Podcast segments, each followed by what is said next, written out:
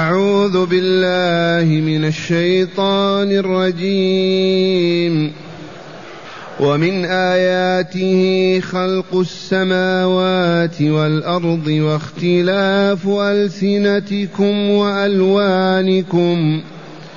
إن في ذلك لآيات للعالمين. ومن آياته منامكم بالليل والنهار وابتغاؤكم من فضله.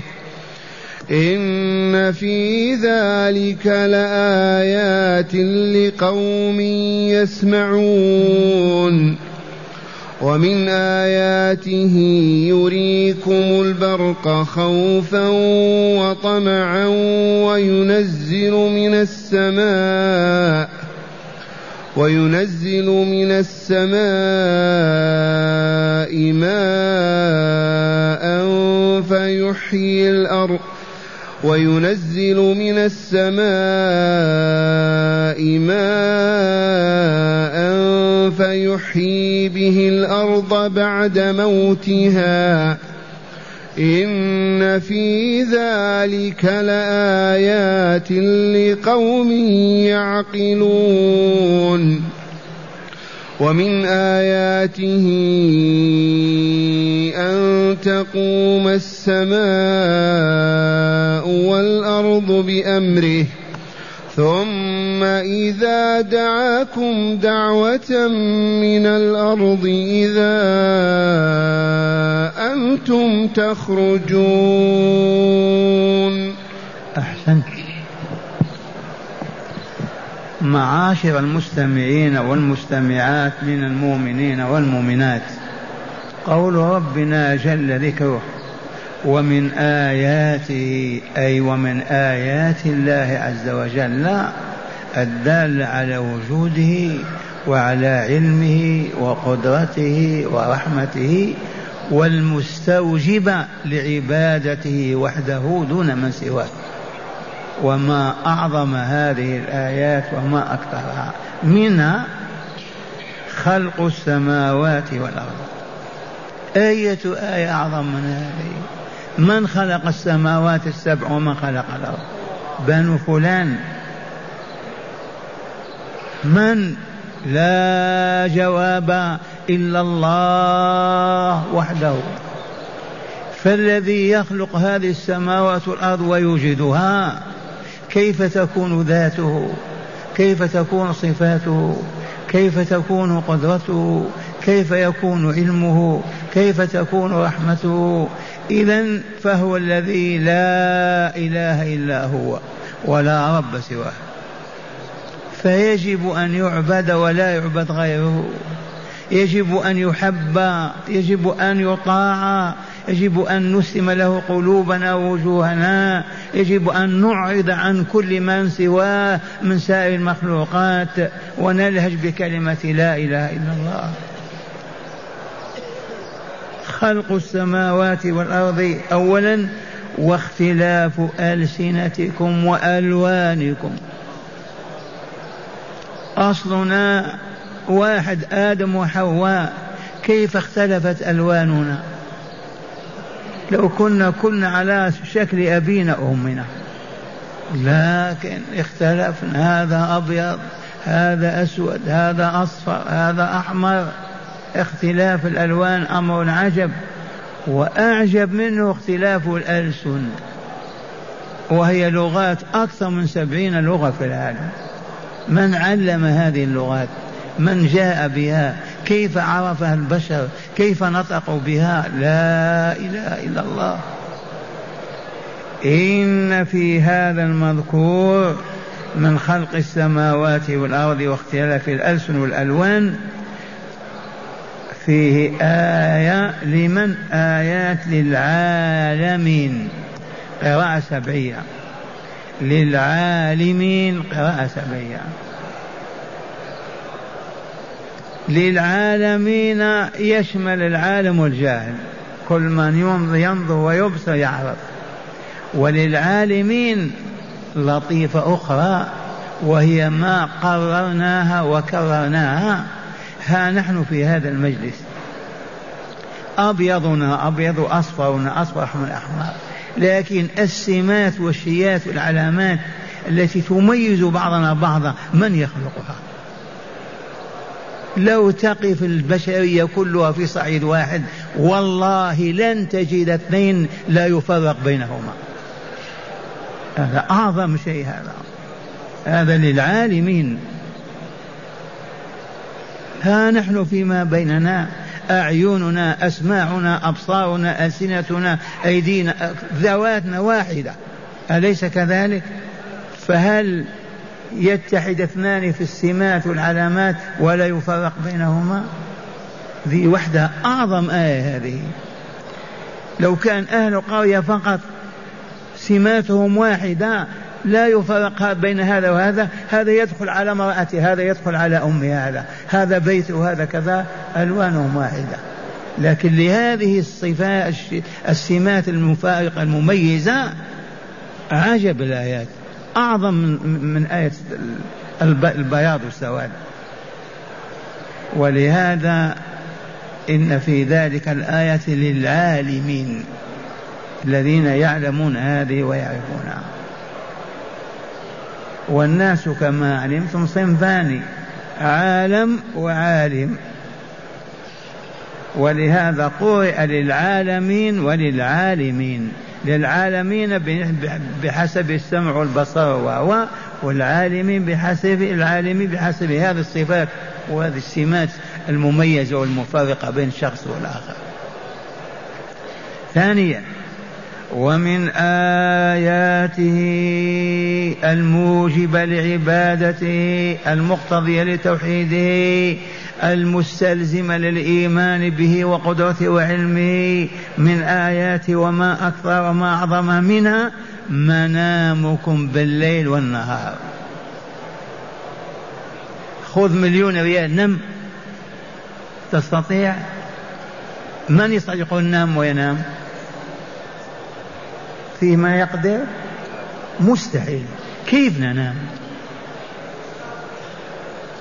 والاستيقاظ كيف نستيقظ؟ إذا منامنا بالليل والنهار لما ننكر البحث الحياة الثانية وهي متمثلة يوميا فينا. ننام نحيا نستيقظ. نموت النوم موت وإلا لا؟ موت. نموت ونحيا. كيف ننكر البعث إذا والدار الآخرة؟ نقول كيف إذا متنا نحيا؟ ها نحن نموت كل يوم ونحيا كل ليلة. لا إله إلا الله. ومن آيات منامكم بالليل والنهار وابتغاؤكم من فضله. نبتغي رزقنا من من فضل الله. هذا صانع وهذا زارع وهذا خايط وهذا طابخ وهذا كالناس ونطلب هذا الرزق في النهار بحياة التي وهبنا الله. لو بقينا نائمين ما نعمل شيء لكن يحيينا لنعمل. وهكذا سر الحياة العمل. أليس كذلك؟ وسر الحياة في الدار الآخرة الجزاء. هذه دار عمل وتلك دار جزاء. كأنما هنا نموت وهناك نحيا. قال تعالى إن في ذلك الذي سمعتم لآيات لقوم يسمعون. أما الذين لا يسمعون الهدى ولا يستجيبون له ما يجدون في هذا آية ولا في غيرها. لكن أصحاب الأسماع التي دائما تسمع الهدى وتسمع الحق وتسمع ما يقال يستفيدون من هذا يجدون الآيات فيه. ومن آيات منامكم بالليل والنهار وابتغاؤكم من فضله. كيف نكذب البعث والدار الآخرة وهي متمثلة لنا يوميا؟ يوميا نموت ونبعث.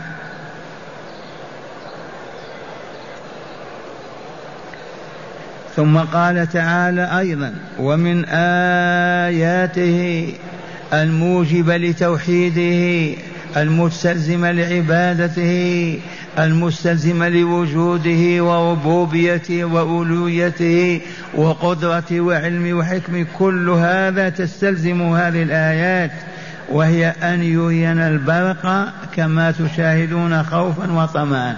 المسافرون يخافون من البرق والرعد والمطر والمقيمون ينتظرونه للغيث والسقي والماء خوفا وطمعا. خوفا من الغرق خوفا من الطوفان. وطمعا في ماذا؟ في أن نسقي زرعنا وبساتيننا ونشرب ونغتسل بالماء.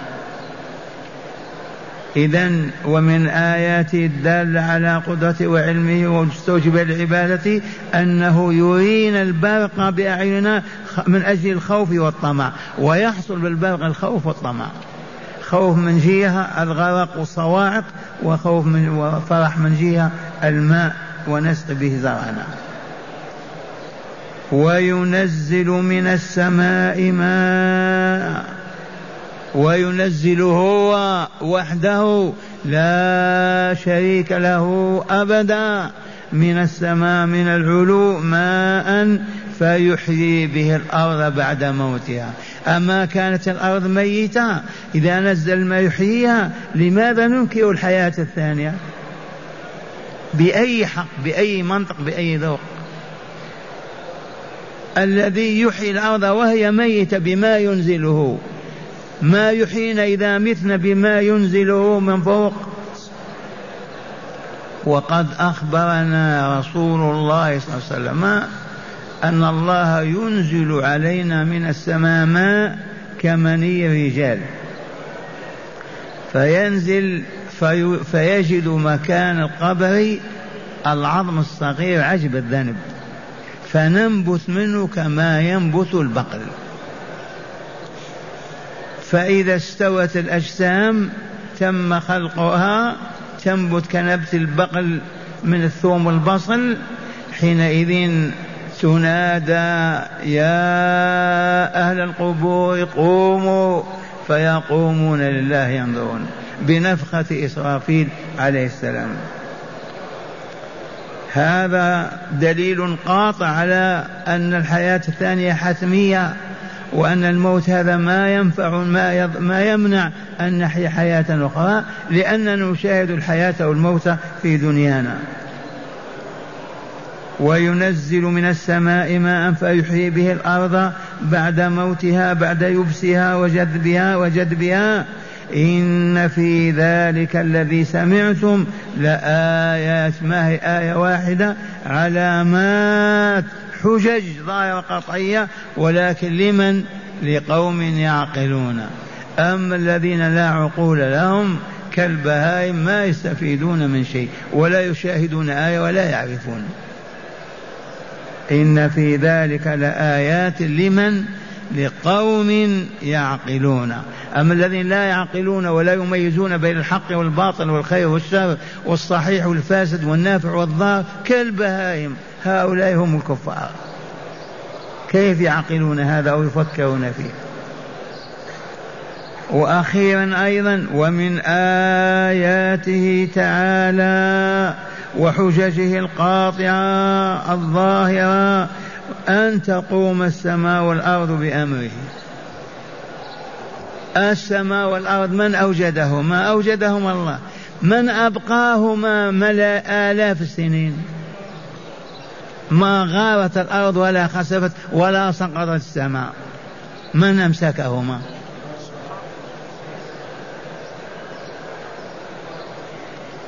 عشرات الآلاف مئات الآلاف من السنين. ما سقطت السماء ولا غارت الأرض وخسفت من أمسكهما؟ أيدي الجن أو أيدي البشر؟ لا أبدا ولكن الله عز وجل هو الذي أمسكهما. يمسك السماء والأرض أن, تقع الأرض. ومن آياته أن تقوم السماء والأرض بأمره لولا أن الله أمرهما بالبقاء لما بقي لهبطت الأرض أسفل وتحطمت السماء وتشتتت. لكن أمر الله لهما أن يبقيا كما خلقهما عشرات الآلاف أو مئات الآلاف من السنين. سبحان الله العظيم. أية آيات هذه أية حجج أية براهين؟ ثم إذا دعاكم دعوة من الأرض إذا أنتم تخرجون. بعد موتكم واستقراركم في قبوركم بعد فناء هذا الكون يدعوكم تعالى يا أهل القبور قوموا فيقومون لله رب العالمين. ثم إذا دعاكم دعوة واحدة نفخة إسرافيل من الأرض إذا أنتم تخرجون منها. كما خلقكم أول مرة يخلقكم ثاني مرة وتخرجون أحياء لتقفوا بين يديه ويسألكم ويحاسبكم ثم يجزيكم. إما بالنعيم المقيم في دار السلام وإما بالعذاب الأليم في دار البوار والهلاك والعياذ بالله تعالى. من هداية هذه الآيات أولا بيان مظاهر قدرة الله تعالى وعلمه وحكمته ورحمته الموجبة لعبادته وحده وترك عبادة من سواه. من أدل من هداية هذه الآيات ماذا؟ بيان مظاهر بيان مظاهر قدرة الله وعلمه ورحمته وحكمته الموجبة لعبادته وحده دون من سواه والمقتضية للإيمان بالبعث باليوم الآخر والإيمان برسالة محمد صلى الله عليه وسلم. ثانيا مشروعية طلب الرزق بالمشي في الأرض واستعمال الوسائل المشروعة لذلك. مشروعية طلب الرزق بالعمل والسعي في الأرض بالزراعة بالصناعة بالتجارة بالعمل بالاستيجار بكذا. والله عز وجل هو الذي شرع هذا. ماذا قال تعالى؟ وابتغاؤكم من فضله. نبتغي من فضل الله تعالى نطلب الرزق من فضله بما شرع لنا من هذه السنن في الأرض والأسباب. ثالثا تقرير أن الذين ينتفعون بأسماعهم وعقولهم هم أهل حياة الإيمان إذ الإيمان روح متى دخلت جسما حيا وأصبح صاحبه يسمع ويبصر ويفكر ويعقل. نعم. الذين آمنوا فحيوا. هم الذين ينتفعون بهذه الآيات ومظاهر وما تدل عليه. أما الذين لا يسمعون ولا يبصرون لموتهم وموت قلوبهم فلا يجدون في هذه الآيات أبدا ما يدلهم على أنه لا إله إلا الله وأن محمد رسول الله وأن البعث الآخر حق. لأنهم أموات. ولهذا نعيد القول العقيدة الإسلامية عقيدة لا إله إلا الله محمد رسول الله. هذه العقيدة والله لبمنزلة الروح بمثابة الروح صاحبها قل فيه حي ناده اطلب منه يعطيك. وفاقدها والله ميت. لا يسمع النداء ولا يجيب. رابعا تقرير عقيدة البعث والجزاء. التي عليها مدار الإصلاح البشري بعد عقيدة الإيمان بالله ربا وإلها. عقيدة البحث والجزاء. أما قال تنامون وتستيقظون ولا لا كل يوم تموتون وتبعثون يوميا. لما إذا نقر, نقر بالموت ولا نقر بالبعث. لأن الملاحدة والكفار ما يعترفون بالحياة الثانية. هذه الحياة من أوجدها من فقد من أخذها كيف لا يوجد غيرها؟ التكذيب بالبعث الآخر عمى في القلوب ضلال في النفوس صاحبه كالبهيمة وإلا بأي معنى ينفيه؟